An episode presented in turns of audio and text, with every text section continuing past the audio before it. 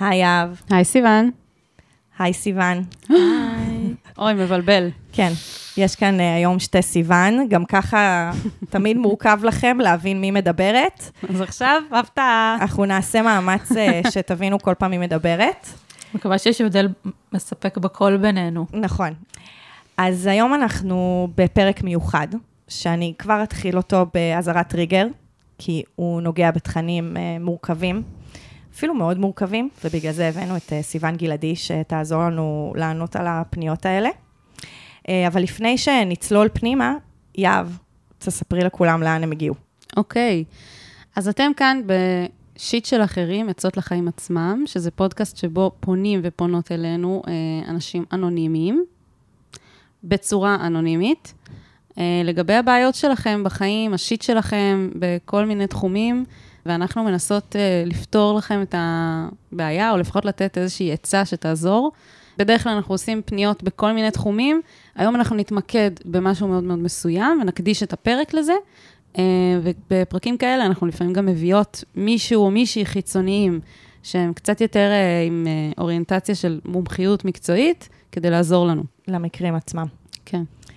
אז uh, נתחיל? יאללה, נתחיל. אני ממש צריך את ה... אני ממש צריכה את זה. מה אני יכול לעשות במצב כזה?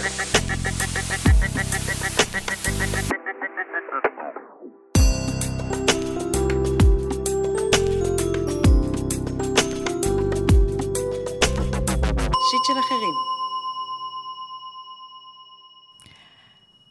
אז סיוון גלעדי, שאני רגע אגיד את הקשר האישי שלי אליה, שהיא הייתה המנהלת שלי בדלת פתוחה לתקופה לא מבוטלת, והיא הדבר הכי מדהים שקרה.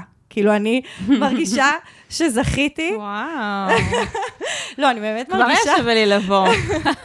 לא, אני באמת מרגישה שזכיתי, שהיה לנו את הרגע הזה, כי עכשיו את, uh, את איתי, ואני כל הזמן נעזרת בך, ואת פשוט איזשהו קול כל כך uh, מקצועי ומשמעותי בחיים שלי, ושתדעו, לא יודעת אם שמתם לב, שהרבה פעמים כבר אמרתי שהתייעצתי עם סיוון גלעדי, הפעם ממש הבאנו אותה לפה. פיזית. להקל... כן, פיזית, היא יושבת איתנו עם לכבוד, כל לכבוד הטלטלים לי. היפים שלה, אמ, ולכבוד הוא לנו שהגעת לפה היום.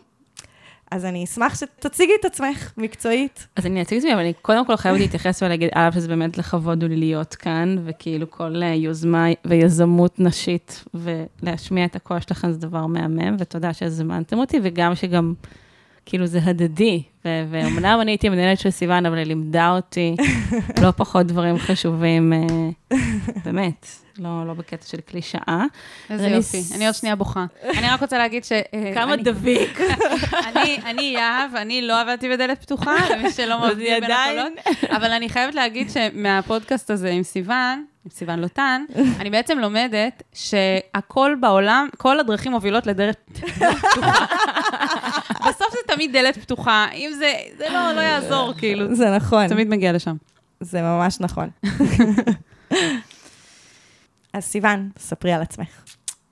אז אני סיוון גלעדי, אני עובדת סוציאלית גאה, וככה לאורך השנים, בעיקר בגלל שהמפגש שלי עם, עם נערות ונשים בשטח מאוד מאוד אה, ככה הדגיש וזעק, הבנתי שיש צורך מאוד גדול בהתמחות בתחום של טראומה מינית, ובעצם זה איזשהו אה, התמחות שעשיתי ולמדתי, ואני ממשיכה כמובן להתמקצע ו- ולגדול בתוכה. אה, אני עובדת במרכז שקוראים לו בנפשנו, שזה מרכז של עמותת בית חם, שנמצא בבני ברק. זה בעצם מרכז רב-תחומי לטיפול בטראומה מינית.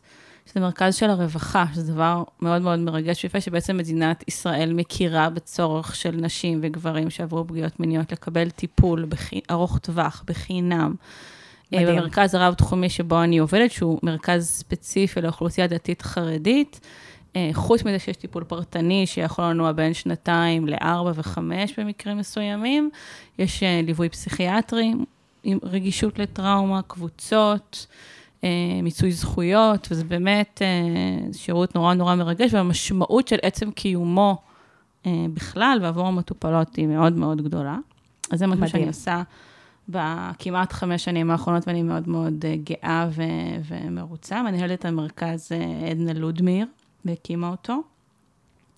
וגם לאחרונה אה, הקמנו שם איזשהו מרכז של טיפול יום, טיפול משלים, שזה חוץ מהטיפולים הפרטניים, כמו שאמרתי, קבוצות, שזה קבוצות של אומנות ומוזיקה ותנועה, אה, DBT, דיסוציאציה, זאת אומרת, לתת, לנסות לתת בשנים אה, שאפשר כמה שיותר שירותים ומענים, ו... אז זה חלק אחד ממה שאני עושה היום. אה, חוץ מזה, יש לי גם קליניקה פרטית, שבה אני עובדת אה, עם מטופלות, וגם אני מלווה צוותים של פנימיות, זה חלק מההיסטוריה המקצועית שלי, שעבדתי הרבה שנים בפנימיות כמדריכה, כשינשינית, כרכזת טיפול, ויש לפנימיות מקום מאוד מאוד חם בלב שלי, אז אני ממשיכה יום בשבוע ללוות צוותים בפנימיות. מדהים. זה, הבאנו. לפה, הבאנו לפה ידע, ידע רב כן. בדמותו, בדמותה של אה, סיון גלעדי בעצם. נראה לי שמתיאור המקצועי של אה, סיון גלעדי ניתן היה להבין שהיום הפניות עוסקות בפגיעה מינית. אה, פגיעה מינית אה, עם איזשהו רובד אה, מורכב, עם שאלה שמגיעה יחד עם הפגיעה הזאתי. אה, ו, וגם אני אפילו אכביר ואגיד מראש, ככה במסגרת באמת כל ההכנות שניתן לעשות לפני שאנחנו מקריאות את הפניות, שמדובר גם בפגיעה מינית בתוך המשפחה. אז ככה אנחנו מכינות את מי שיצטרף אלינו לפרק הזה, לקחת נשימה אה, לפני שאנחנו מתחילות, כי הנושאים האלה לא פשוטים, אה, אבל הם חשובים. אנחנו כל פעם, אה, כאילו, תמיד יש את השאלה הזאת, כמה מקום ניתן לזה ואיך ניתן לזה מקום, וזה תמיד נראה לנו הדבר הכי חשוב בעולם. אפילו התייעצתי עם סיוון, אה, אני, סיוון, התייעצתי עם סיוון, עם, אם בכלל לענות על זה בעיניה בתוך הפודקאסט, ואת אמרת, כאילו, שזה באמת אחד הדברים, שזה ממש לעשות שירות לציבור, להתעסק בנושאים האלה. אז הנה, אנחנו כאן. כן, וחשוב ממש להגיד, אם זה לא היה ברור עד עכשיו, שלמרות שיש לנו פה מומחית, מישהי שיש לה הרבה ניסיון וידע, הפרק הזה, להאזין לו, זה לא מחליף טיפול, זה לא מחליף סיוע. אה, אנחנו מציעות את זה, כ, כמו שאמרת, שירות לציבור, כאיזשהו אה, אקסטרה, כאיזשהו בונוס, או אולי שער כניסה לאפשרות ללכת לטיפול. כאילו, אנחנו ממש, באופן כללי, אנחנו תמיד ממליצות ללכת לטיפול, כן. אבל ככה במקרה הזה... נגמרת כל פנייה. כן. ותלכו לטיפול. כן, גם, גם כשזה לא נוגע לפגיעה מינית, כן. אבל אה, קל וחומר כשזה נוגע לנפגעי ונפגעות אה, פגיעות מיניות, אז אנחנו מאוד מאוד ממליצות, אם אפשר, ללכת לטיפול, ואם אי אפשר, אז לא להסתמך על מה שאנחנו עושות כאן היום, אלא להיעזר בזה, בנוסף לדברים אחרים. הערה ממש חשובה, יהב. תודה. כן. כן. אז uh, נתחיל uh, עם הפנייה הראשונה. הפנייה הראשונה שלנו היא מאף אחת מירון, בת 19. היא כותבת לנו ככה, היי יקירות, קוראים לי אף אחת מירון, על פי המלצתכן. אנחנו נותנות בטופס האנונימי המלצה כזה להרכיב איזה שם אה, אנונימי. אני רוצה שתתסכסו על אחד מהשיטים שלי. בעקבות משבר נפשי שעברתי לפני מספר חודשים, התחלתי טיפול. הודות לקדוש ברוך הוא, לעצמי ולפסיכולוגית החדשה שניסיתי, התגברתי עליו. הטיפול העלה בי מעין זיכרון סלש חלום חוזר הנוגע בפגיעה מינית בילדות המוקדמת מצד אבי. הפסיכולוגית שלי, לשעבר, הניחה שהזיכרון מבוסס מציאות ולא כוזב. זאת על סמך התנהגויות פוסט-טראומטיות שלי, כמו פציעה עצמית, הפרעות אכילה, דיכאונות המוסתרים תחת חזות תקשורתית ושמחה ומוצלחות. וכן על סמך העובדה שלאבי יש סכיזופרניה, ואני מפחדת ממנו ולא מתקשרת איתו כל חיי. אחרי הטיפול, שבו עלה הדבר, נכנסתי לכאוס. בכיתי המון והרגשתי שזה היה טיפול מכונן, ומיד אחריו השתנו הרגלי ההרס העצמי שלי, ומשהו נפתח והשתחרר מחד. מאידך, אני לא בטוחה אם הדבר אכן קרה כי אני חווה את אבי כאדם תם, טוב לב ומסכן, ולא בא לי להעליל עליו. אבל אני לא מרגישה בנוח לחזור הביתה, והתרחקתי מההורים שלי שאני אוהבת. יש לציין שאני בת 19 ועדיין תלויה במידה מסוימת בהורים שלי מבחינה כלכלית ורגשית. איך לדעת אם הזיכרון אמיתי ולא מעוות? איזה קשר אתן ממליצות ליצור עם הוריי בהתחשב במצב? טוב, אני רוצה להתחיל קודם כל בלהגיד לאף אחת מירון כזה תודה על האומץ, על האומץ לכתוב, על האומץ... אני חושבת אפילו להביא את זה לכתב, זה ממש, כבר אה, כן. לפגוש את זה באיזושהי רמה, ולהתוודה לכל הבלבול והתחושות הקשות והכואבות, וגם היא ניסחה את עצמה ממש ממש יפה. כאילו, לגמרי, כן. נכון. אני אפילו התפעלתי מהאחד והאידך, שאפילו בתזה שלי לא התנסחתי ככה, זה ממש רמה גבוהה, כאילו, שהיא הצליחה לבטא את מה שהיא מרגישה. כן, אני חושבת שיש אומץ גם בלפנות, גם בזה שהיא התחילה טיפול. נכון. זה לא מובן מאליו בכלל. כאילו, כל כך הרבה אנשים מסתובבים בעולם עם טראומות מכל מיני סוגים, ולא מביאים את עצמם למסוגלות להגיד, אני צריכה עזרה. אה, אז מדהים שאת מבקשת עזרה, אם זה מפסיכולוגית, ואם זה מאיתנו, ובכלל, אני ממש ממליצה מאנשים לבקש עזרה. כאילו, זה, זה דבר אה, אמיץ ו, וטוב לעשות. אז תודה. נכון. אמיץ וטוב, והרבה פעמים גם באמת מפחיד ומעורר, אפילו אולי קצת גם כמו שהיא אומרת, דברים מאוד, אה, מצד אחד נותן אולי איזה פשר ומשמעות, ועוזר לארגן כל מיני חלקי חוויות שיש לי של סימפטומים ודברים, אבל זה גם באמת יכול, זה, זה, זה המון דברים, אבל בגדול זה מרחב שמאפשר לתת מקום להרבה דברים שמאוד קשה להתמודד איתם לבד. ומכאיב. נכון. וגם, אני חושבת שיש משהו בטיפול שזו זה מרחב סטרילי יותר, שאנחנו יכולים לדעת שאנחנו מוגנים ושהתגובות יכולות להיות מותאמות. כאילו העולם החיצון הרבה פעמים לא יודע להגיב לחוויות כל כך קשות.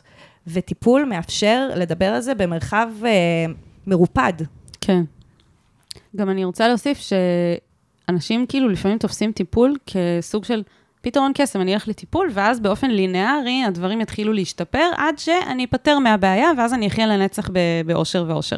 ובעצם מה שהיא מתארת פה, סיטואציה שבה היא אזרה אומץ, הלכה לבקש עזרה, ואז דברים הדברים התגלו. התחילו עוד יותר להסתבך, ועוד יותר כאילו ל- להיות, אה, אפשר דברים לזה- עלו מעל פני השטח. כן, דברים ש, שהיא היא, בהתחלה היא באה בשביל דבר אחד, ואז היא גילתה שיש עוד. זאת אומרת, לפעמים בטיפול, לפני שנהיה יותר טוב, לפעמים אפילו נהיה יותר גרוע. כן. וזה כן. דבר שחשוב, שזה לא אומר ש... וזה חשוב לשים את הדברים על השולחן, שכשאני בוחר או בוחרת, זה, זה לקחת גם את זה בחשבון, ומי שמבטיח הבטחות, מטפלים שמבטיחים הבטחות להעלים, אז זה, זה, זה מפספס כאפשרות לכאוב, ולא להיות לבד, ולתת לדברים מילים, היא מצד אחד כואבת, אבל היא, היא הרבה פעמים הדבר המרפא.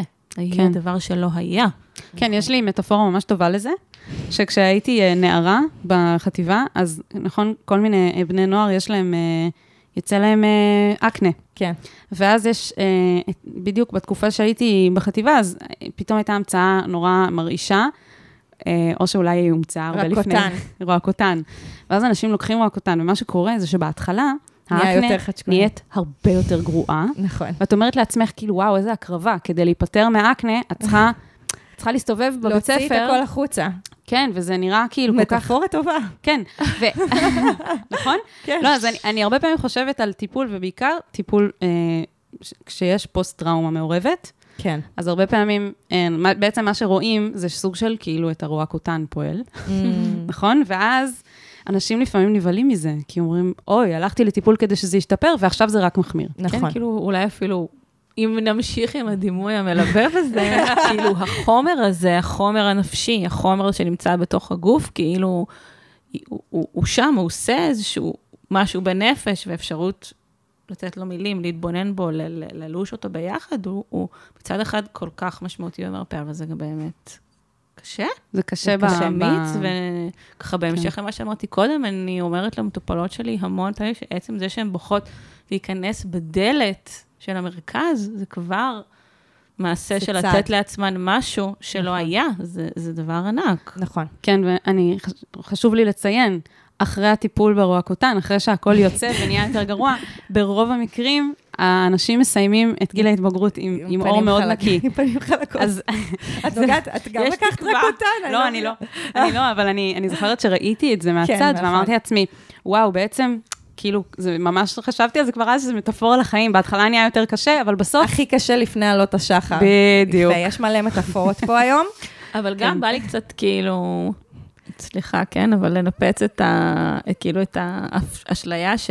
נהיה יותר קל. נשים שמתמודדות עם פוסט-טראומה מורכבת, שעברו פגיעות מיניות מתמשכות בילדות, מהמם. הטיפול עוזר, הוא מפחית סימפטומים, אבל ההתמודדות היא התמודדות של חיים. כן. כן. עם מבנה נפשי מסוים, עם פגיעות בקשר, באמון, בדימוי גוף, באמת, כאילו, קשה לי להגיד אפילו בכמה מרחבים והשפעות יש לה, לפגיעה, אז אין ספק שהאיכות חיים משתפרת, והכלים שיש לי כדי להכיל את עצמי ולהבין את עצמי ו- ולהיות ב- בתקשורת ובאינטימיות משתפרים, אבל ההתמודדות היא התמודדות של של יום יום. עבודת חיים. נכון. אז אני אדייק את המטאפורה, הפנים לפעמים נהיות חלקות, אבל נשארות אה, צלקות. זה גם משהו שקורה, ראיתי את זה קורה. אין, אין, אני פה. לא, פשוט אני, אני חושבת שזה דרך מאוד טובה להסביר דברים נורא מורכבים של הנפש, שהם לא עובדים בצורה ליניארית כמו שאנחנו מצפים. נכון, נכון. נכון. אז uh, סיוון, תספרי לנו אולי קצת מה, מה ראית כאן בתוך הפנייה. אז אני רוצה דווקא להתחיל ולהתייחס למה שאת סיפרת, לזה שלשיחת טלפון שעשיתי עליי, אה, ואמרתי, תזכרי את הפניות האלה, מה את אומרת? עדיף אולי שלא נתייחס לזה, נכון? כאילו, זה, זה מורכב מדי, זה קשה מדי, ואני חושבת שזה כבר מספר את הסיפור, ואני קודם כל אולי אתייחס לזה ברמת המקרו יותר, כן. של כמה זה קונפליקטואלי, כמה זה טעון, כמה זה מפחיד להיות בזה ולתת לזה מקום, ושלפעמים, כאילו, הדבר הראשוני שאנחנו רוצים לעשות זה פשוט לחסות את העיניים ולשים את זה בצד. כן. וזה לא סתם קרה.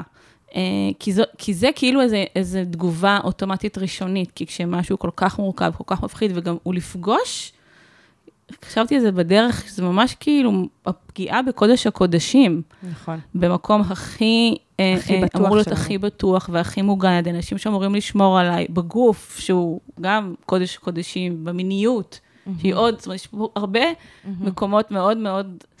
אה, קדושים. אה, כן, ו- וזה לכן נורא נורא מפחיד להיות בזה, לתת לזה מקום, אה, בכלל, בכלל להתקרב לאזורים האלה, וזה באמת מספר איזו תנועה שקיימת בהיסטוריה כבר הרבה שנים, בין לראות את זה, אה, אה, לפני, להגיד, קרה, כן. עם כל המשמעויות וכאילו ההחסרת פעימה וה- וה- והאימה שזה מייצר, ו- ואז להגיד, אולי לא הבנתי נכון, אולי זה לא בדיוק ככה, אולי זה בגלל שאני אשמה, אולי זה בגלל שדמיינתי, אולי, אה, אה, ואם נתכתב עם פרויד, שכאילו, אולי הידוע מאוד מאוד, שהוא הוא, הוא פגש המון המון מטופלים עם סימפטומים אישיות קשה לעזור להם כרופא, והוא הבין ששיחה, שטיפול בדיבור, הוא המציא טיפול בדיבור, הוא הבין שלדבר עוזר, כן. להגיד מה קשה לי, של לדבר.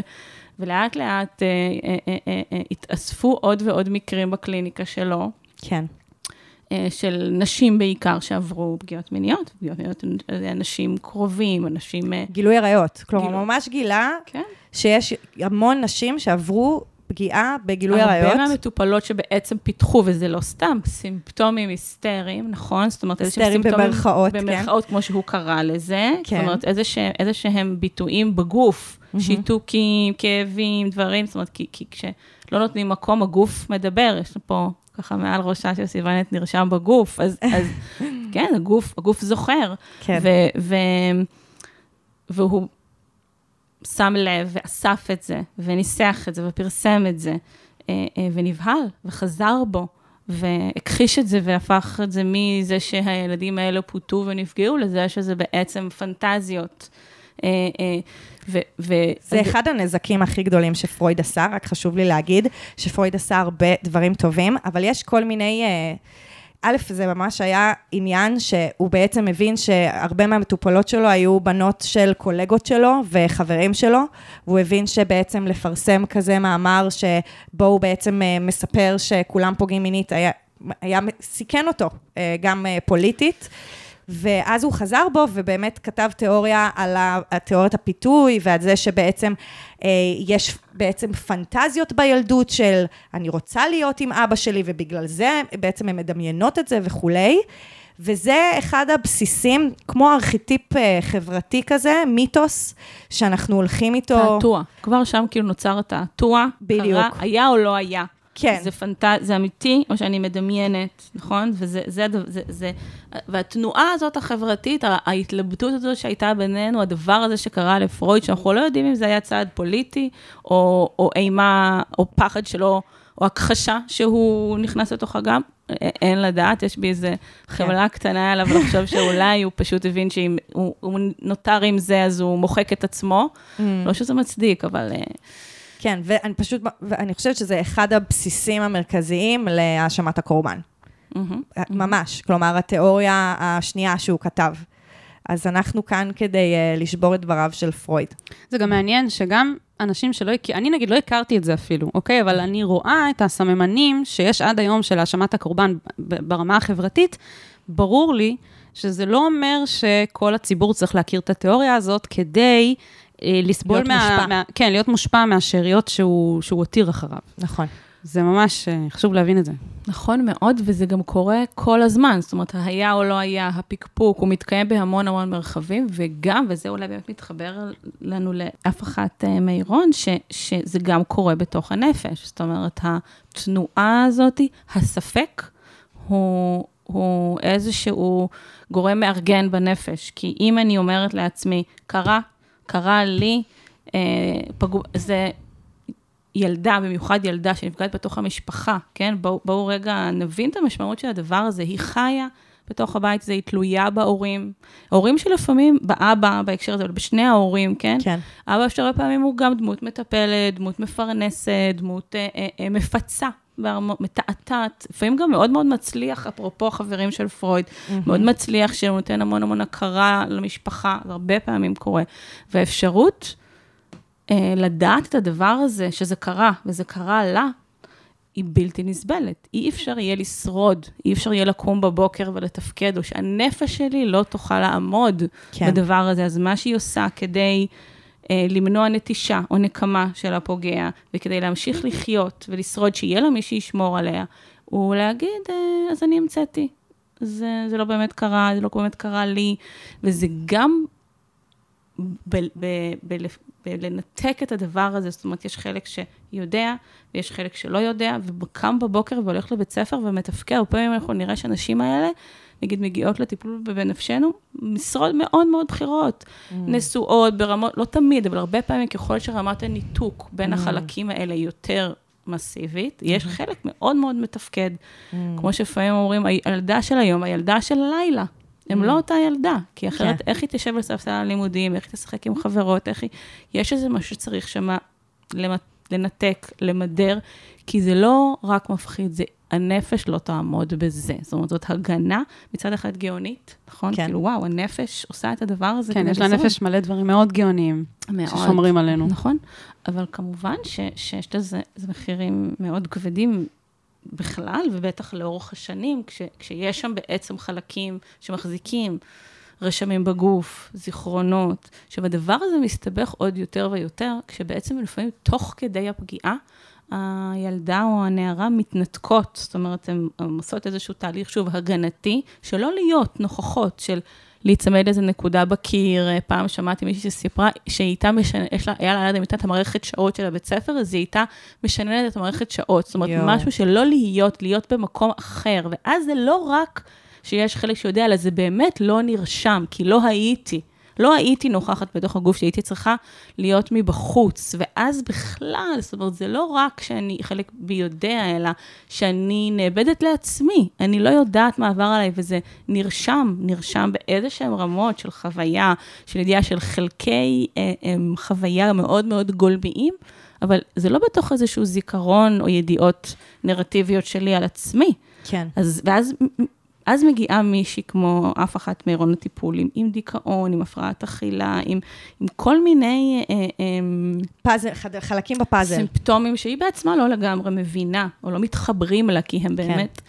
ואני אני גם ככה מרגישה את הצורך לסייג, ואני אומרת, אני, אני, אני מדברת, אני, אני לא מכירה את מירון, אני לא כן. בהכרח אומרת לה כרגע קרה, או כן. לא, אלא אני מדברת על מה קורה לנפגעות בתוך הבית לאורך זמן, ואיך אני מבינה את ה... את כן. המבנה הנפשי שצריך להתארגן כדי לשרוד. כן. יש פה גם עוד uh, שכבה של קונפליקט. מדברת פה על קונפליקטים בין זאת שנתקעה, בין זאת שהכירה בזה, לבין זאת שמדחיקה את זה, לבין... אז יש פה גם מישהי שסובלת uh, מ- מכל מיני תסמינים שקשורים לנפש ומערערים את היכולת שלה לחשוב ש... שבאמת מה שהיא חושבת זה מה שקרה. כלומר, לסמוך על עצמה. בדיוק, כי הרי נכון. הטראומה בעצם מביאה כל מיני דברים שגורמים לבן אדם לא לסמוך על עצמו, ואז פתאום צץ עוד משהו, ואת אומרת, טוב, אני, יש לי הפרעות אכילה, יש לי ככה, יש לי ככה, יש לי ככה. אני כאילו, אני אולי פגועה. משהו, כן, אולי משהו דפוק בי. אולי פשוט אני דפוקה ואני ממציאה דברים, כי הנה, יש לי עוד דברים דפוקים בי, כאילו, זה המחשבה. ממש, וזו גם הפנמה של האשמת הקורבן, או הפנמה של הקול של התוקף, שכדי לשרוד אני מפנימה את זה. כנראה שאני משוגעת, כנראה שאני המצאתי, לא יכול להיות. לא יכול להיות שזה קרה, לא יכול להיות שזה קרה לי, לא יכול להיות שהוא עשה לי את הדבר הזה, וזה עוזר לי לשרוד. כן. אה, זה עוזר לשרוד, אה, נראה כאילו, לפי כל מה שאנחנו שומעות על תסמינים שמגיעים אחרי זה, וכמו שאמרת, נרשם בגוף, שזה עוזר לשרוד עד נקודה מסוימת. כן. ולפעמים זה יכול לעשות נזק בטווח אז הארוך. הרבה פעמים אחרי שהן קצת יותר אה, אה, בוגרות, יוצאות מהבית, יכול להיות לפעמים גם סביב כל מיני שינויים בחיים, חתונה, אה, איזשהו משהו שקורה בגוף, לידה, הורות, כל מיני דברים שפתאום מעוררים, שכבר אי אפשר יותר להשתיק את הדבר הזה. אה, שיש איזה שהם אירועי חיים שמאפשרים, וגם זה, זה לא... אולי לפעמים כמו ש, ש, שדברים מדומיינים, אפרופו טיפול, אני מגיעה, זה לא רגע שזהו, נוחתת עליי הידיעה, מהמם. וזהו, והיא שם. אלא זה כל הזמן תהליך חמקמק, ו- וממש שומעים את זה בפנייה של ידיעה ואי ידיעה, של לחיות בתוך הקונפליקט הזה, כי כל אחת מהאופציות היא קשה. קשה לא לדעת וקשה לדעת, והרבה פעמים בטיפול, מה שנעשה זה פשוט נהיה עם המטוטלת הזאת, כמה שצריך. עד שיהיה איזושהי אפשרות גם של מספיק אמון וביטחון בתוך הקשר הטיפולי, וגם של איזושהי מוכנות נפשית לספר את זה לעצמי. כן. אני חושבת שזה היה אחד הדברים שגרמו לי להתלבט אם להכניס את הפנייה הזאת, כי הרגשתי שכאילו, לעומת הרבה פניות שיש לנו, שממש יש צורך לפגוש אותה, כדי כאילו לפגוש אותה ולהיות איתה בשיח ו- ולהחזיק את המרחב הזה. כאילו, אני חושבת שזו הייתה הקריאה שלי אלייך, סיוון, כאילו של, את חושבת שאנחנו יכולות לדבר על הנושא הזה כשאנחנו לא פוגשות אותה? כאילו, שאנחנו לא שומעות את מה שהיא מספרת, שאנחנו לא עוברות איתה את התהליך הזה. כאילו, באמת, המרחב המתלבט הזה הוא מרחב נורא מורכב לשהות בו, ובעצם זה המרחב שאנחנו נשארות פה בפרק הזה. אם, תקני אותי אם אני טועה. את ממש ממש צודקת, ואני חושבת שזה כל כך יקר ערך, כי, כי אם הנפש הייתה צריכה להתארגן בצורה של לדע, היה או לא היה, לבחור, האפשרות רגע כן להיות בתוך משהו שאמביוולנטי, מתלבט, מצליח לא להשתיק משהו כדי להיות משהו אחר, משהו, כש, כשיש רב-מימדיות ולא רק דו-מימדיות, זה כל ההבדל והאפשרות רגע, אם באמת נתמקד במה שאומרת לנו מירון, שהיא אומרת, אני, אני כרגע עדיין תלויה במשפחה שלי, גם כלכלית, גם רגשית. היא מספרת לנו על גודל הקונפליקט מבחינתה, על כמה זה קשה, על כמה זה מפחיד, ואתם יודעות, תוך כדי ש... ככה, עברתי על הפניות וחשבתי על הפרק, עלה לי איזשהו שיר, שלא יודעת אם אתן מכירות, שיהודה אטלס הוציא ספר. נכון. אה, סביב כל הנושא של נוער בסיכון נכון, וככה. כאילו הילד הזה הוא אני, רק בגרסה של הנוער בסיכון. בחוויה, עולם, בעולם של נוער וילדים בסיכון. ואחד השירים, ש, שאולי אני אקריא אותו, אני אשמח להקריא אותו, וואי. קוראים לו סוד כמוס. והוא ממש מתאר, ואני הרבה פעמים מקריאה את השיר הזה, גם פעם מטופלת שלחה לי אותו, אבל הרבה פעמים מקריאה אותו בהדרכות, כשאני מלווה, למשל עובדות סוציאליות בפנימיות וככה. כי אני חושבת שהוא מתאר בצורה היהודה האטלסית הכל כך כן, פשוטה ונגישה ו- ו- נכון. וכזה נכון, מהממת, ממש. את הדבר הזה. אז אני... תקריא. סוד כמו של יהודה אטלס. אם אספר מה הוא עשה לי, אף אחד לא יאמין. לא יכול להיות הם יגידו שיש לך אבא כזה מין. אם הוא ידע שסיפרתי, הוא יחטיף לי מכות רצח, ואולי יעיף אותי מהבית ולא יסלח לי לנצח. אם אספר מה הוא עשה לי, אולי ייקחו אותי לכ... אותו לכלא, והאחים והאחיות יתפזרו לאומנה ולמוסדות וכאלה. וכל השכנים ידברו ויגידו, הנה הוכחה איך ילדה אחת מלשנית יכולה להרוס משפחה. אם ייקחו אותו לכלא, מאיפה ניקח אוכל? ואולי בגלל זה אמא שותקת, אפילו שהיא יודעת הכל. אם אספר מה הוא עשה לי, הגורל שלי ייחתך. המשפחה התפרקה, הם יגידו, והכל באשמתך. אם לא אספר מה הוא עשה לי, הכל ימשיך כרגיל, והוא שוב ושוב יעשה לי את הדבר הזה המגעיל. המשפחה תישאר ביחד, ולא ידעו השכנים, אבל אצלי לאט-לאט הלב ימות מבפנים. וואו, זה ממש אה, דרך מדויקת לתאר את המורכבות הכואבת הזאת. ממש, וגם על האשמה, כן, ועל הפחד, ועל האחז... כמה הרבה פעמים ה... להשתיק את עצמי, זה כדי לתת למשפחה, לכולם, להמשיך את הדבר הזה, אה, לקחת על עצמי את האשמה. אפרופו, אה, גם מה שמספרת לנו פה אף אחת מאירון, על זה שהיא רואה בו מישהו תם, טוב לב, מסכן, כמה באמת הדברים גם אצלה עדיין, היא רואה בו אותו באופן מאוד חלקי עדיין, וזה מאוד מאוד כן. מפחיד אותה, כן. אה, וקשה. היא רואה אותו בדמות האב, כאילו, זה, היא רואה את החלקים, ש... אנחנו לא רואים את ההורים שלנו בצורה המורכבת, את הבני אדם השלמים, הם, הם הדמויות שנמצאות שם עבורנו, ו, וזה מה שהיא רואה. כאילו זה באמת מתחבר אלי למה שיהב אמרה, על, ה, על ה לא לסמוך על עצמי, כאילו, פגיעה מינית, בכלל פגיעות על ידי אנשים שקרובים, גם אלימות, או, או, או, או אלימות נפשית, מיני, ומינית בוודאי, זו טראומה של קשר. הטראומה בעצם, בראש ובראשונה, היא בקשר באפשרות לסמוך אם מי ששמר עליי פגע בי. איך אני אגיע, אפגוש מטפלת, אדם, בת או בן זוג, פרטנרים, לא משנה, ו- ואצליח לתת בהם אמון?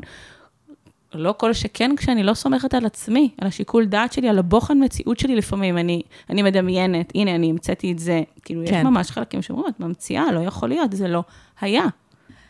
נכון, וזו גם בעצם הפנייה שאיתה היא מגיעה אלינו. כאילו, תעזרו לי, תהיו אה, בוחן אה, מציאות עבורי, תסתכלו על הסיפור שאני מביאה לכם מהצד, ותגידו לי מה אני צריכה לעשות בתוך, ה... בתוך זה. ואנחנו פונות אלייך, סיוון. כן. יש פה כל כך הרבה מורכבות, גם זה לא כמו פגיעה מינית של נגיד אה, מישהו שאני לא מכירה, ואז כל התהליך נראה אחרת, ואני יכולה לדרוש שהוא ילך לכלא וכל מיני דברים. פה מדובר במישהו מהמשפחה, ו- והפחד של ההשלכות, של לפ... מה שנקרא לפוצץ את הדבר הזה. נכון. אה, וגם אני מרגישה שהרבה פעמים סביב השיח על אה, פגיעות מיניות, בשנים האחרונות, יש כאילו את המחשבה שהאידיאל זה לבוא ולפוצץ את הדבר הזה, ושוכחים שהרבה מהפגיעות האלה נעשות על ידי אנשים שהם חלק מהמשפחה, לצורך העניין, או חלק מהסביבה הקרובה, וזה לא בהכרח יהיה הדבר האידיאלי לבוא ופשוט לפוצץ את זה. עכשיו, אני לא אומרת גם ש, שכן, כאילו, אני, אני לא יודעת.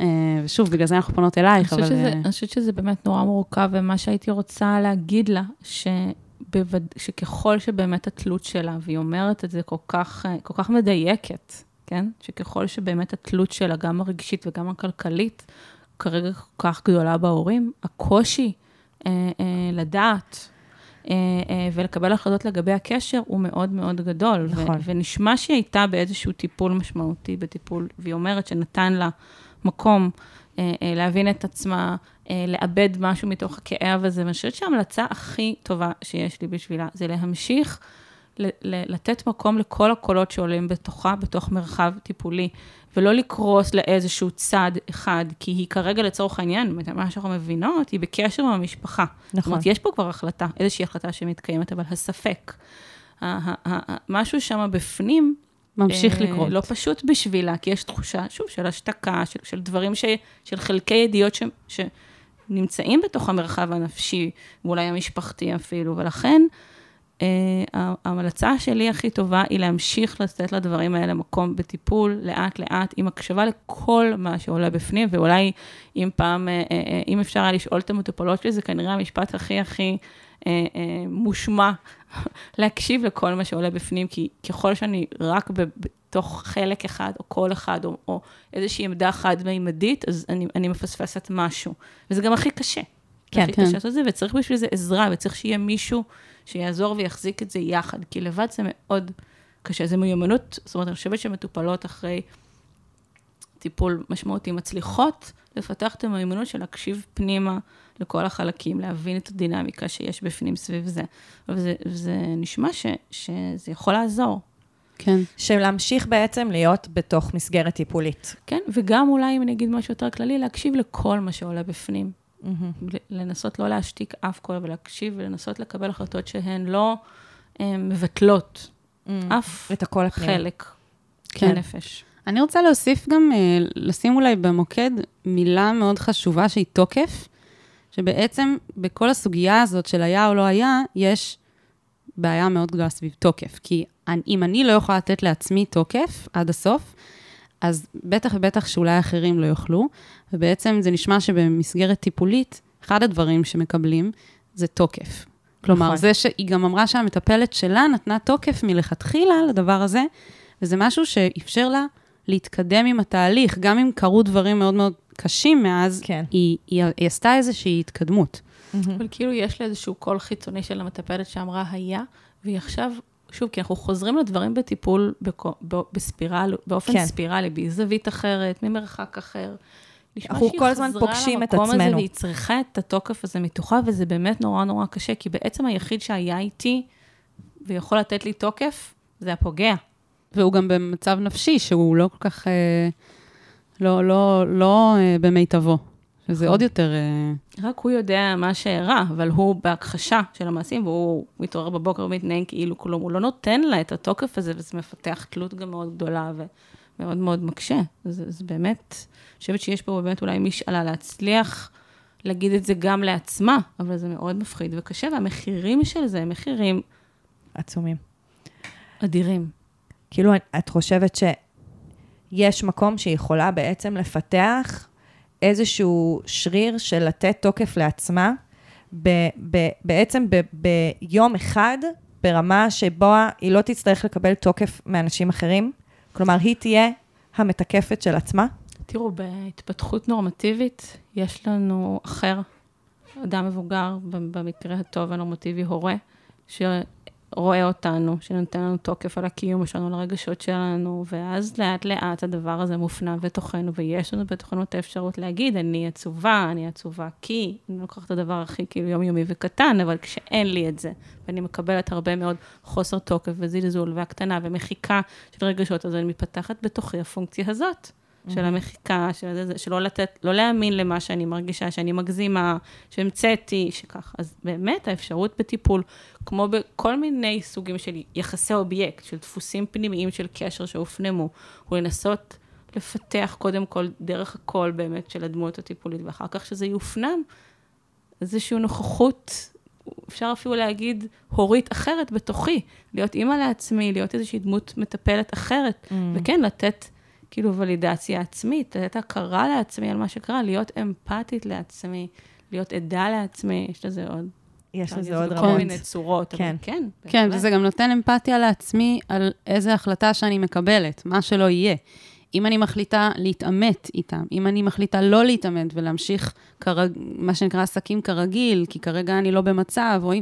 אז כאילו יש בזה גם את העניין של לתת תוקף, שההחלטה שנעשתה היא ההחלטה שכרגע נכונה לי. זה מה שאני יכולה עכשיו, בלי לחשוב שיש איזשהו דבר שהוא הדבר הנכון לעשות בהכרח, אלא שצריך לתת לנפש שלה את המרחב ואת הקצב כדי כן. להחליט, ושזה כרגע... כי גם לא להחליט זאת החלטה. נכון. כן. אז אם אנחנו שולחות את uh, אף אחת uh, מירון, במרשם לה, להמשיך טיפול, אם כן. נרשם באמת לק- לקחת לעצמה מרחב גם פנימי של להקשיב לכל מה שעולה בפנים, ועם הרבה מאוד תוקף ואמפתיה לזה שזה נורא מורכב ונורא מפחיד ונורא מסובך ואין פתרון פשוט. ושכאילו להז- להזמין אותה באמת להמשיך, כמו שהיא כבר עשתה, לתת לעצמה מרחב כדי להקשיב לכל הדבר הזה במקום אמפתי ומכיל ו- ובקצב שהיא יכולה, קצב של הנפש שלה.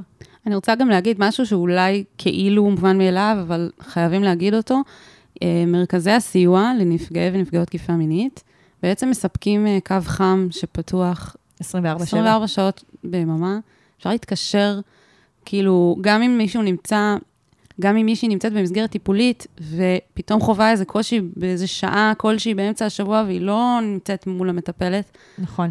אז אפשר להתקשר ולקבל איזשהו סיוע אה, רגעי. נכון. זו הערה חשובה.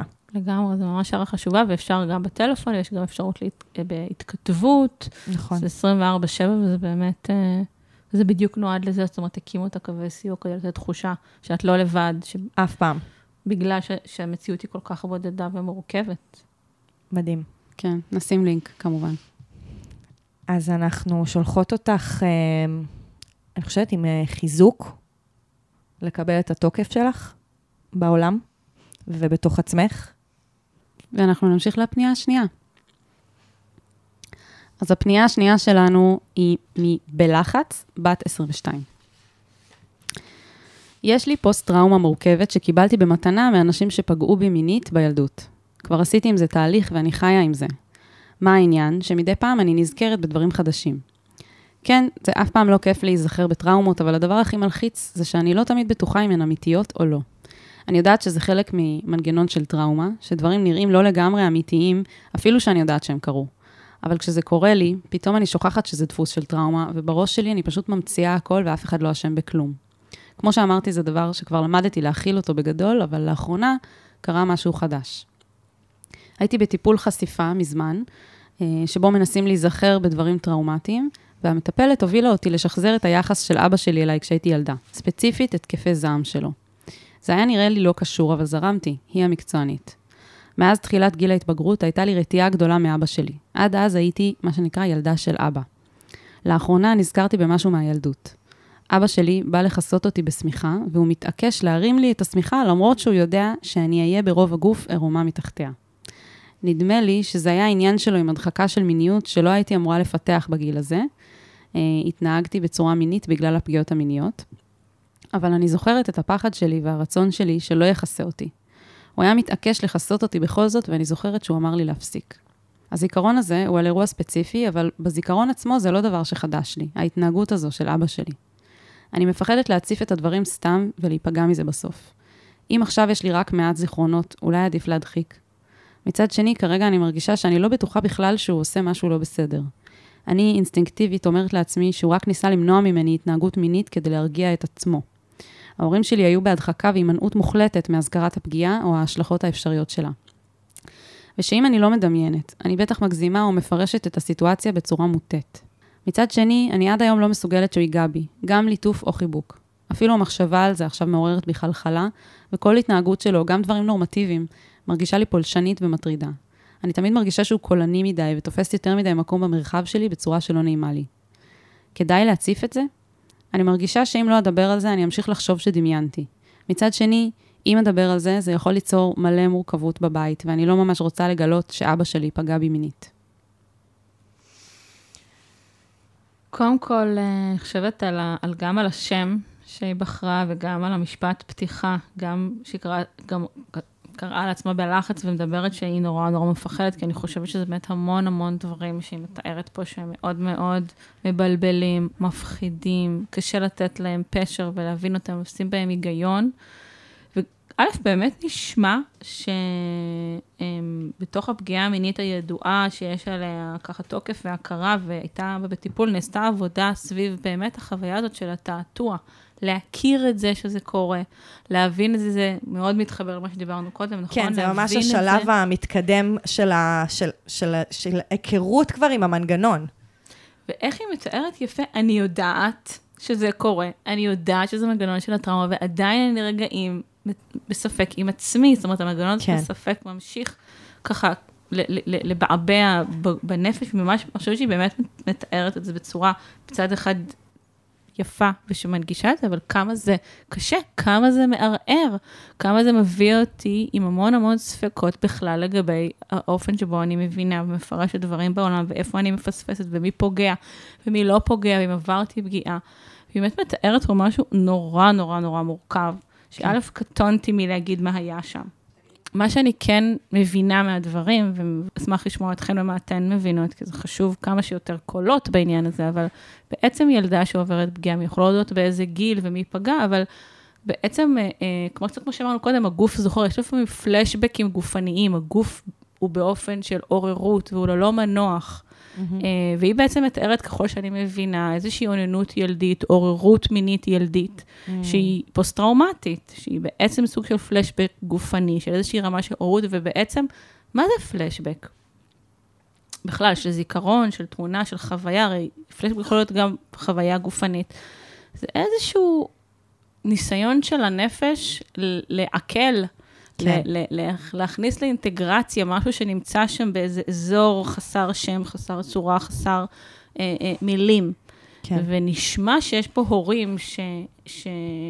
כמו שהיא אומרת, שוב, מאוד מאוד יפה, הם היו בהימנעות מוחלטת מלהתייחס לזה שהילדה שלהם נפגעה, ולמשמעויות של זה, ושההתנהגות המינית הזאת שלה הייתה פוסט-טראומטית, ומה שהוא עשה, לפחות ממה שנשמע אה, ומתואר כאן, יכול להיות שהיו עוד דברים, כי בסוף היא כותבת שאבא שלי פגע בי, וזה מילים מאוד עוצמתיות לרשום אותן, כן? נכון. אבל מה שהיא מתארת שקרה, זה שהיא כנראה הייתה נוג... מאוננת או נוגעת בעצמה, או, או באיזושהי דרך, או עירומה מתחת לשמיכה, והוא היה או אומר לה להפסיק, או מכסה אותה, נכון? אני לא פה... כן, אה, כן, כן, אני גם הבנתי את זה ככה, ואני לא הייתי עולה על זה בחיים לבד, אני חייבת להגיד, כאילו, איזה מזל שאת פה. שמה? כאילו, לא הבנתי את זה שזה בעצם באמת אה, איזושהי... כאילו, היא מתארת שהוא מפחד מההתנהגות המינית שלה, שכאילו לא מותאמת לגילה, ובעצם מה שאת קראת בין השורות בתור אשת מקצוע, זה שבאמת הייתה שם איזושהי התנהגות אה, מינית. ש- שנש... כנראה. נשמע. עכשיו, קודם כל, אוננות ילדית היא כן, לא היא לא- רק לא דבר מותאמת. פתולוגי, כן. כן? אה, נשמע מתוך מה שהיא, איך שהיא מתארת שזה היה, אה, אה, היא גם מייחסת את זה להשלכות של הטראומה. אז באמת, אה, אה, א', חשוב להגיד, בטח אה, סיוון לוטן תדע עוד לספר לנו ולהגיד על זה, אוננות היא גם דבר שקורה בילדות, זה לא בהכרח פתולוגי, זה לא בהכרח פוסט-טראומטי, זאת אומרת, זה לא נכון. שאנחנו אומרים, אם ילדה או ילד מאוננים, גם בגיל צעיר, זה לא. נכון. נשמע שמשהו פה באופן, בחזרתיות, היא גם ממש מתאר, מחברת את זה לטראומה. כן. לא יודעת באיזה גיל היא, קר, היא קרתה, אבל זה מאוד אופייני, בוודאי אצל ילדים, אבל לא רק אה, אה, שזה קורה, ושהיה למרות פה... שכאילו מה שהיא מתארת פה זה בפרטיות, במיטה שלה. כלומר, זה המקומות הבטוחים שבהם היא יכולה אה, לעשות את זה. כלומר, כשמלמדים ילדים אה, לגעת בעצמם, זה מה שמלמדים אותם, שזה בסדר לעשות את זה בפרטיות. אז אה, אני חושבת, יכול להיות שזה המפגש בין הידע שהיה לו בצורה המודעת או הלא מודעת לגבי הפגיעות שהיא עברה, לבין אה, אוננות ילדית והתגובה שלו לזה. ויכול להיות שזה הכאב אה, שהיא מרגישה, כי יש משהו גם בהשתקה, בכיבוי, באיזשהו, אה, כאילו אמירה, זה לא בסדר, שהיא בעצמה נורא כואבת בגוף. כאילו, ה, ה, כאילו התנועה נגד מה שהיא עשתה, שהיא לא נעשתה בצורה מתווכת ולא בצורה נעימה. כלומר, זה נשמע שהיה שם איזשהו מאבק, כאילו, שהיא לא, לא רצתה להיות מכוסה, ואני, שוב, אני לא, אנחנו לא, אין לנו מספיק, מידע. כאילו, מידע, ו, וזה, גם, גם זה, אני חושבת שזה לא, כאילו, זה לא העניין, כמו איפה זה פגש אותה בקשר מול אבא שלה. ואיפה זה פוגש אותה עד היום? נכון. אבל אני חושבת שזה מעניין, כי זה אולי באמת גם מה שהיא אומרת. מה היה פה? היה אה, אוננות או סקרנות ילדית, הייתה פה או אוננות, אה, נגיד, אה, פוסט-טראומטית עם יותר אלמנט של כפייתיות או פלשבקי כזה. הוא ניסה לשמור עליי, הוא פגע בי, התעתוע הזה נמצא בו, אבל אני חושבת שאת אומרת משהו שיכול באמת בשביל, בלחץ מאוד משמעותי להגיד, תראי, יכול להיות שזה לא בהכרח קשור רק לפגיעה, אלא שיש משהו בסקרנות, בגילוי, בזה שהוא, והחיבור לטראומה, אה, וזה שאני פגומה, ואני, והמיניות שלי כבר הרוסה ופגומה, ואני, יש הרבה מאוד חוויה של אשמה ובושה וקלקול mm-hmm. בתוך החוויה של נפגעות, ויכול להיות שהיא מיד עושה את החיבור של, שוב, אנחנו לא יודעות בדיוק מה הייתה ההתנהגות, כן? אבל... כן. אז, אז זה לא בהכרח. מצד שני, היא מדברת על זה שהיא, אה, שהיה פה איזשהו ניסיון של אבא שלה לפחות לכסות אותה, זאת אומרת שזה ייעשה בפרטיות. כן. וזה פה כן כבר קצת, כאילו אולי היה משהו בחשיפה, משהו, אנחנו לא יודעות. נכון. זה, זה אמ, כאילו בחיבורים, שבין, כאילו, היא אומרת, חוסר היכולת של אה, אבא שלה להכיר בזה שהיא יצור מיני, וכזה ההדחקה, הכיסוי, ממש אקט של כיסוי, כאילו, זה נורא, זה גם מטאפורי וזה גם פיזית מה שקרה שם, מקושר לפגיעה שעברה, שהיא מודחקת על ידי ההורים. אז כאילו הכיסוי וההדחקה וההסתרה, זה הכל כאילו דברים שהם איך אומרים, באנגלית אומרים intertwined. ממש, כאילו, חושבת שממש כן, הערת זה לי ממש נקודה, נכון. שהיא כנראה רצתה שיראו, אפרופו לקבל תוקף, וכשהיא כן. אומרת, ההורים שלי היו בהימנעות מוחלטת, כנראה שהרצון שלה שיראו משהו, נכון. היה, לא סתם היה שם, את ה, את ה, היה שם איזושהי משאלה, שהם יבינו, שהם יבינו שמשהו קרה, שהם לא יתעלמו, שהם לא, שהם יראו שהיא סובלת. זה כן? כמו פלשבק פיזי. בדיוק. כאילו זה לבטא, כאילו הנפש מבטאת, בעיקר בגילאים כל כך קטנים, דרך הגוף, כשאין לי עדיין מילים ואין לי עדיין יכולת לבטא את עצמי ולהבין את עצמי ולהוציא את זה החוצה, אז הגוף מבטא את זה. כן, ויכול להיות שבעצם כשהיא רצתה שהוא לא יכסה אותה, היא אמרה, תראה, תדע, תתייחס. כן. כן. תדחיק שוב, לא, כי באופן, הדברים האלה לא היו במודע, אבל הם היו איזשהו משאלה, אה, ו- וכשהוא כיסה, זה היה להגיד, אני לא רוצה לדעת, אני לא רוצה לראות. אתם מכירות את הסרט, אה, אני תמיד מתלבט, אה, לא Precious, Princess. תמיד, אה, לא ראיתי שזה סרט Princess. עם קרן מור. דווקא Precious ראיתי, Princess לא עם ראיתי. קרן מור.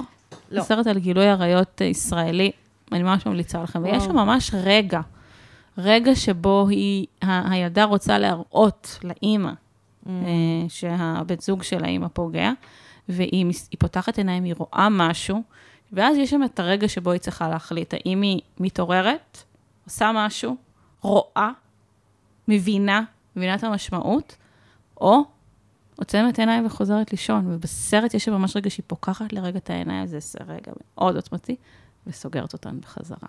וחוזרת, כן. והולכת לישון, ובעצם כאילו עוצמת עיניים כן. ל- לידיעה, לאימה, למשמעויות של הדבר הזה, ואני חושבת שבמידה מסוימת כל פעם שהוא כיסה.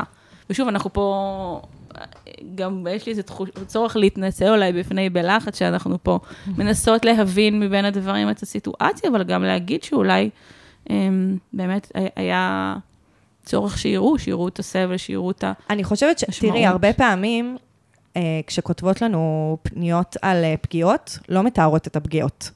ו- ובלחץ, תיארה את הפגיעה. כן. ממש, היא כאילו תיארה לפרטים, אה, וזה, כאילו, אני חושבת שזה הייחודיות של הפנייה הזאתי, שהיא בעצם מביאה לנו את הפרטים ורוצה שנעשה איתם, נעשה איתם משהו, נסתכל עליהם, נחבר אותם, אה, כן. נס, נספר אותם בדרכים שלנו. אבל למרות שצריך להגיד, א', היא לא תיארה את הפגיעה הראשונית. נכון. זאת שבעצם היא מנסה שיראו, לפי מה נכון. שאתן אומרות, וגם היא, כאילו, נראה לי שווה לא לשכוח שאולי יש עוד דברים שהיא עדיין לא זוכרת בשלב הזה, ועוד בעתיד יעלו. ואנחנו, נכון. כאילו, עוד פרטים שפתאום ייחשפו. לכן באמת אמרתי לצרף את המילים ולכתוב אותם שחור על גבי לבן, לגלות שאבא שלי פגע בזה, זה דברים, ואנחנו לא מפחידים. יודעות. ומצד שני, גם כן חשוב לכתוב, ש... אה, לכתוב ולומר, שעצם הרתיעה מאבא, או הכעס, או כל התחושות המאוד עוצמתיות שהיא מתארת כלפי האבא, בפני עצמן, הן לא עדות בהכרח, אבל הן בהחלט, אה, אנחנו שומעות ומבינות שהן מייצרות אצלה, שוב, את התעתוע, את הספק, את היכולת לסמוך על עצמה. ובכל מקרה נשמע, אם, אם אכן אנחנו מבינות את הדברים נכון, שאם היא ניסתה, רצתה שיראו, רצתה ש, שיהיו איתה, רצתה לא להיות לבד, שיבינו את הסבל שלה, והוא כיסה אותה שוב ושוב. זה מאוד, זאת חוויה שיכולה להיות מאוד, מאוד. פוגענית, כן. מאוד מכאיבה, וליצור הרבה מאוד תחושות קשות כלפי האדם הזה, שרואה אותי נכון. במצב הזה ורוצה לעצום את העיניים. נכון. אז בעצם מה שאת אומרת, זה שגם אם לא הייתה פגיעה מינית, אה, נקרא לזה כאילו לפי הספר של אבא של הבא, הייתה פגיעה. כן. והיא קשורה למיניות. למיניות, וזה עדיין משהו שהוא הוא קשה להכיר בו, ועדיין משהו שכנראה אה, שווה לטפל בו. אתם יודעות, הרבה פעמים נפגעות אומרות, בסדר, יש את, יש את הפוגע, אבל זה שיש אנשים שהתעלמו, לא ראו, לא האמינו, כאילו טראומות הבגידה, הרבה פעמים, כאילו יכולות להגיד, בסדר, אז הוא, הוא, הוא מפלצת, הוא אדם נורא, הוא, שזה הרבה פעמים קשה כן. גם להגיד את זה, אבל נגיד, אבל אבל אימא שהתעלמה, או אימא המשיכה ש... לחיות איתו, אמרה כן. לי, שימי את זה מאחורייך, אה, לכי לטיפול ונ- ונמשיך את החיים. כלומר, ושם יש שבר, כי, כי זה באמת מותיר אותה לבד להחזיק את, ה, את האימה, את המשמעות, את הכאב, את, ה, את, את הכל. אה, אני חושבת שבהקשר הזה, הטראומה של קרה לי, כן. וההורים בהימנעות מוחלטת מלהזכיר את הפגיעה ואת ההשלכות, היא ממש כותבת את זה, זאת אומרת, הם לא נתנו לזה שום מקום. זה קצת כמו להמשיך, להצטרף להשתקה, להצטרף להתעלמות, וזאת טראומה. זאת כן, אומרת, אז זה טראומה חלק מהפגיעה. בח... זהו, אני, הרבה פעמים מדברות על זה שפגיעה מינית, אה, בעיקר גם גילוי עריות, אני חייבת להגיד, אה, היא ממש אה, פגיעה אקולוגית. כלומר, היא פגיעה מערכתית. האדוות שלה, הן יכולות לחרב קהילה שלמה. כי היא, זה, זה באמת לא קורה רק בין שני אנשים, זה קורה בתוך המשפחה, זה קורה בתוך המשפחה המורחבת, בתוך הקהילה, בתוך... כלומר, האדם שהכי צריך לשמור הוא לא, הוא, הוא לא זה ששומר, ויש משהו בשבר הזה שהוא שבר אמ, שכולם חווים אותו. כן, יש לו השלכות על כל מיני מעגלים יותר ויותר רחבים שאנחנו שוכחים. זה ממש נכון, יש פה ecosystem, כן. וזה גם קשור לאשמה שהנפגעת מרגישה, שאם היא, נקרא לזה, תפוצץ את הסיפור, או אם היא תתעמת אז- עם מישהו, אז בעצם זה יחרב הרבה יותר מרק קשר שלה עם הפוגע, נכון. אלא דברים ממש יותר גדולים מזה, וזה כל כך נכון. דרמטי ומפחיד. ואתם יודעות, אה, אמרתי, סיפרתי שאני עובדת בבני ברק, להגיד שבאמת באוכלוסייה שהיא מאוד מאוד סגורה, ויש המון המון משמעות לשם של משפחה, ולשידוכים ולמעמד, זה על אחת כמה וכמה. נכון. זה השלכות אה, קשות. קיים. אה, וגם רציתי להגיד ש- שאני חושבת שאת מדברת בכל מיני אופנים גם על טראומטיזציה משנית, אם זה משפחתית, חברתית, קהילתית, שזה באמת משהו שקיים. ולספר שיש אחד מחברי הצוות שלנו בנפשנו, אה, עושה, אה, שקוראים לו יאיר, הוא עושה בבר אילן דוקטורט על הנושא הזה, על ההשפעה של טראומה על בני המשפחה, והוא mm. ככה רק בתחילת הדרך, זה דוקטורט אה, איכותני ברעיונות, אבל אחד הדברים שהוא אומר, שזה מדהים עוצמת הסבל וההשלכות והמשמעויות על החיים של בני המשפחה, של ההורים והאחים. מהמם. ו- אמ, ובאמת, זאת אומרת, זה, זה... ו- ובכלל, והטלטלה של לפגוש את זה, אני יכולה להגיד ככה על עצמי, לפגוש אנשים שאמורים לשמור, שהשומרים הופכים להיות פוגעים, זה מטלטל. את כל תפיסת העולם שלי. זה מרעיד את כל הקרקע. נכון. זה, זה, זה, זה מנפט את סדרי העולם. אמרתי קודם גם במילים אחרות, זה, זה קודש הקודשים. זה באמת מטלטל ומפחיד עד האימה, כי אם, אם מי שאמור לשמור עליי, לא רק שלא שומר על הפוגע, אז, אז אני, אני, אני לגמרי עבודה. נכון. אז אם אנחנו רוצות באמת לתת איזושהי עצה, מה, מה הדבר הראשון ש, שנגיד לה? אני חושבת שאנחנו א' רוצות לתת לה הרבה מאוד תוקף, שעצם הכ- הכיסוי הזה, הסיטואציה הזאת עם האבא שהיא, אה, לצורך העניין, נוגעת בעצמה, מעוניינת, או באיזושהי התנהגות, מישהו יכול לדעת בדיוק מהי, ויש בה איזה רצון שיראו ויבינו שיש השלכות, שזה קיים, שיש פה משהו, והכיסוי שלו, זה משהו ש- שהוא פגע בה, שהכאיב לה, ש- ש- שהשאיר אותה לבד, וזה משהו מאוד מאוד קשה שהיא עברה, ושזה מש- מותיר אותה בתעתוע, שאנחנו לא יודעות אה, להגיד אם יש בו עוד, אבל זה קצת כן דומה למה שאמרנו קודם. אה, אה, אנחנו מזמינות אותה, נשמע שהיא הייתה במרחב טיפולי מאוד משמעותי בעבר, נכון. סביב הפגיעה שהיא עברה. נכון. ושהחוויה הזאת של התעתוע, של היה או לא היה, של האם אני זוכרת נכון, שהאם קרה לי, היא, היא צפה שוב פעם, ושהיא צריכה את המרחב הזה, ואם היה לה אותו כבר, היא מזמינה אותה לחזור לטיפול שכבר מקום שמכיר אותה, ויש שפה, ויש אמון, ויש היכרות עם ההיסטוריה, כדי לעזור לה שמה. כי זה נורא נורא נורא מורכב, כשאני לא יכולה לסמוך על עצמי ועל השיקול דעת שלי. ו- ו- ויש גם חשדנות הרבה יותר גדולה שעולה, ויש פה מקרים שקשה להבין בדיוק מה היה בהם, אז נכון. אנחנו ממש מזמינות אותה ללכת לטיפול. לא שטיפול הוא בית משפט והוא מכריע היה או לא היה, אבל הוא עוזר להיות עם השאלות הקשות והמפחידות. היא כתבה, אני מפחדת, וזה באמת מפחיד. נכון. לא, לא להיות עם זה לבד.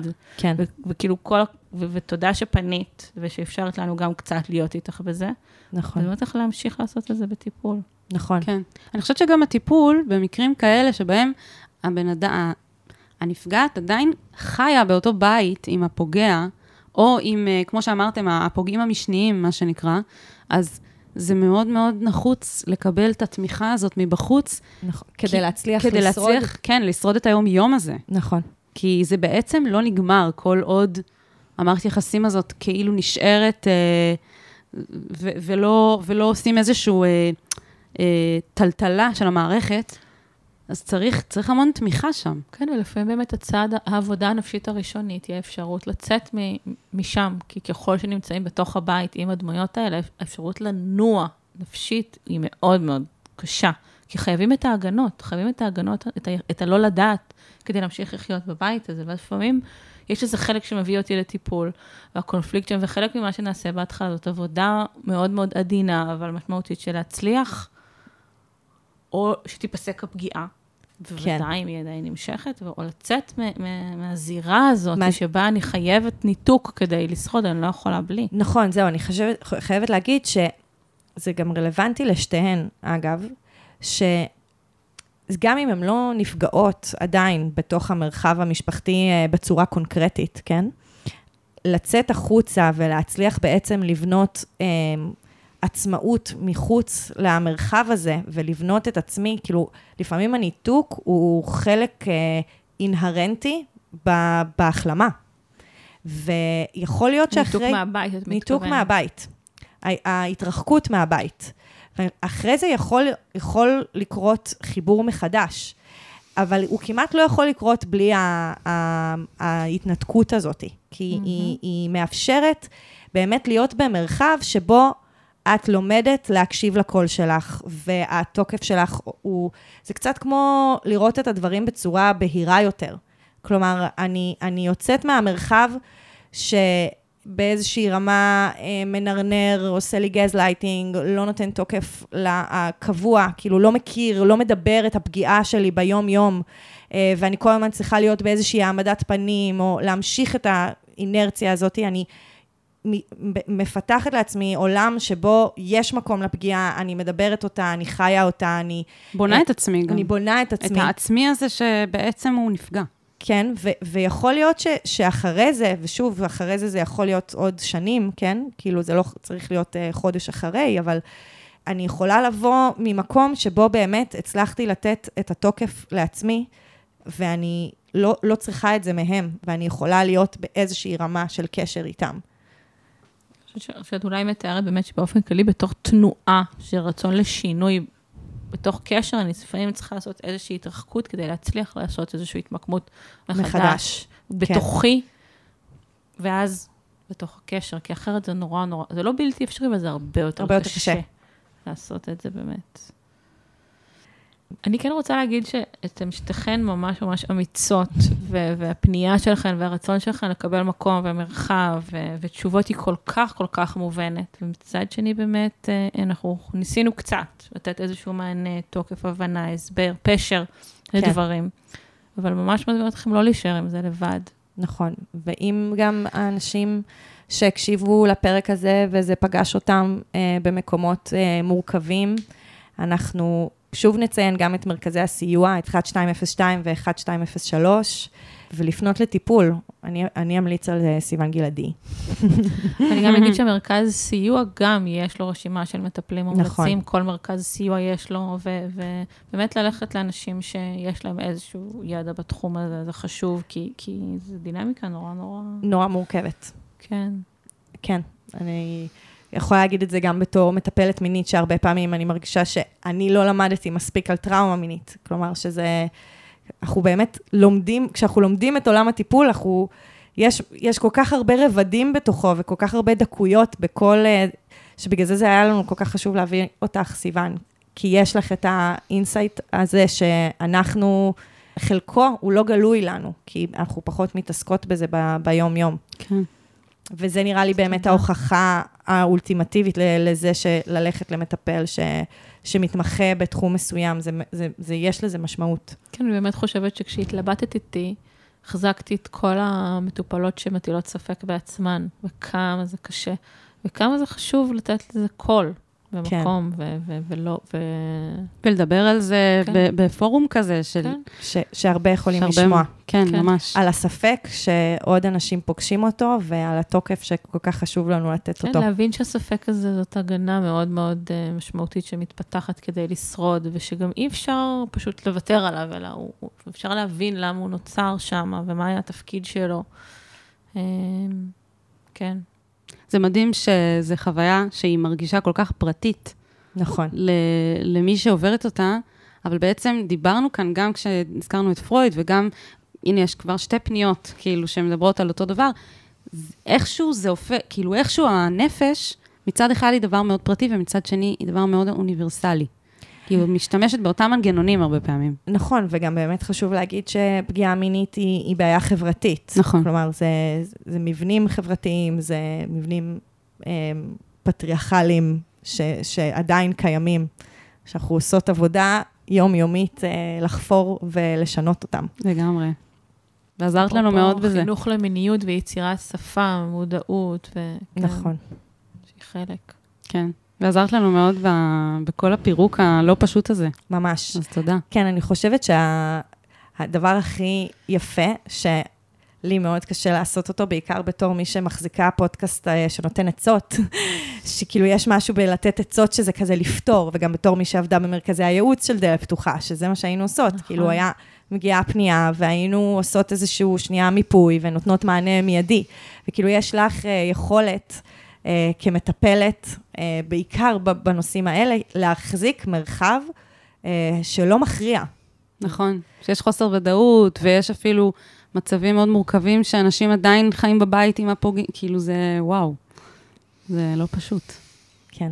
כן, ושבאמת אני חושבת ש, ש, ש, שיש דברים שהנפש צריכה זמן להבשיל בתוכם, ואי אפשר, אי אפשר, אין, אין, אין, אין את הרק, אין, זה אמנם דומה לרקוטן, אבל זה לא כדור שאפשר לקחת, וזה אם עבודה, נחזור נחזור, למטאפורות. זאת נסכם. עבודה סיזיפית, קשה, מפחידה. לפעמים אנחנו, בקבוצה שאני מנחה, מדמות את זה לטפס את האברסט, וזה לפעמים, וזה שקוף נורא. נכון. המאמץ הזה הוא שקוף, אז חשוב שאולי אנחנו נותנות הכרה כאן, כן. לכמה זה קשה, איזה התמודדות קשה זאת, ואיזה אוב- באיזה אובדנים היא כרוכה, נכון. ואיזה הכרות קשות. ממש. לגמרי. אז אנחנו מחזקות את שתיכן מרחוק ונותנות ממש. לכן חיבוק. ממש. ולסיכום, אנחנו נספר לכל מי שמקשיב לנו, שאם אתם רוצים גם לכתוב לנו, אז מה אתם צריכים לעשות כדי לפנות אלינו? יהב, את רוצה לספר לאנשים? בטח. אה, יש לנו פה בתיאור הפרק, בנוסף לכל הלינקים והמשאבים שאפשר להיעזר בהם, יש לנו טופס אנונימי, שדרכו אפשר לפנות אלינו בכל מיני דברים, אה, לא רק פגיעות מיניות, באמת זה הכל מהכל. אה, יש לנו גם את אותו טופס בפוסט נעוץ, בקבוצת הפייסבוק שלנו, שיט של אחרים, עצות לחיים עצמם. ואנחנו גם מפצירות בכולכם וכולכן לעקוב אחרינו באינסטגרם. שם יש דברים קצת יותר כלילים וכיפים ומצחיקים, אה, למי שרוצה קצת אה, נחמה מכל השיט. ומאוד מאוד מבקשות שאם אתן אה, ואתם הקשבתם לפרק הזה, אהבתם אותו, העברתם אותו לחבר או חברה, או לקרוב משפחה או מישהו, וזה אפילו עזר לאדם אחד, אז אה, תנו לנו את התמורה ותדרגו אותנו חמישה כוכבים בספוטיפיי או באפל, או איפה שאתם לא שומעים את, ה, את המילים האלה, כי זה בעצם עוזר לנו להגיע לעוד אוזניים, וזה עוזר למידע הכל כך חשוב הזה, להגיע אולי אפילו יום אחד למישהו ש, שצריך את זה ולא היה שומע את זה סתם ככה. אז תחשבו על זה, נכון. ותדרגו אותנו חמישה כוכבים. אה, טוב, אז אה, נשתמע? יאללה, נשתמע. ביי, תודה. תודה, תודה סיוון. לך.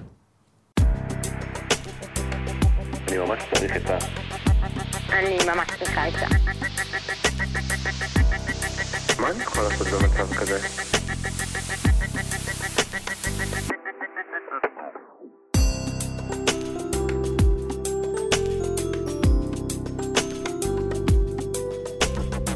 שיט של אחרים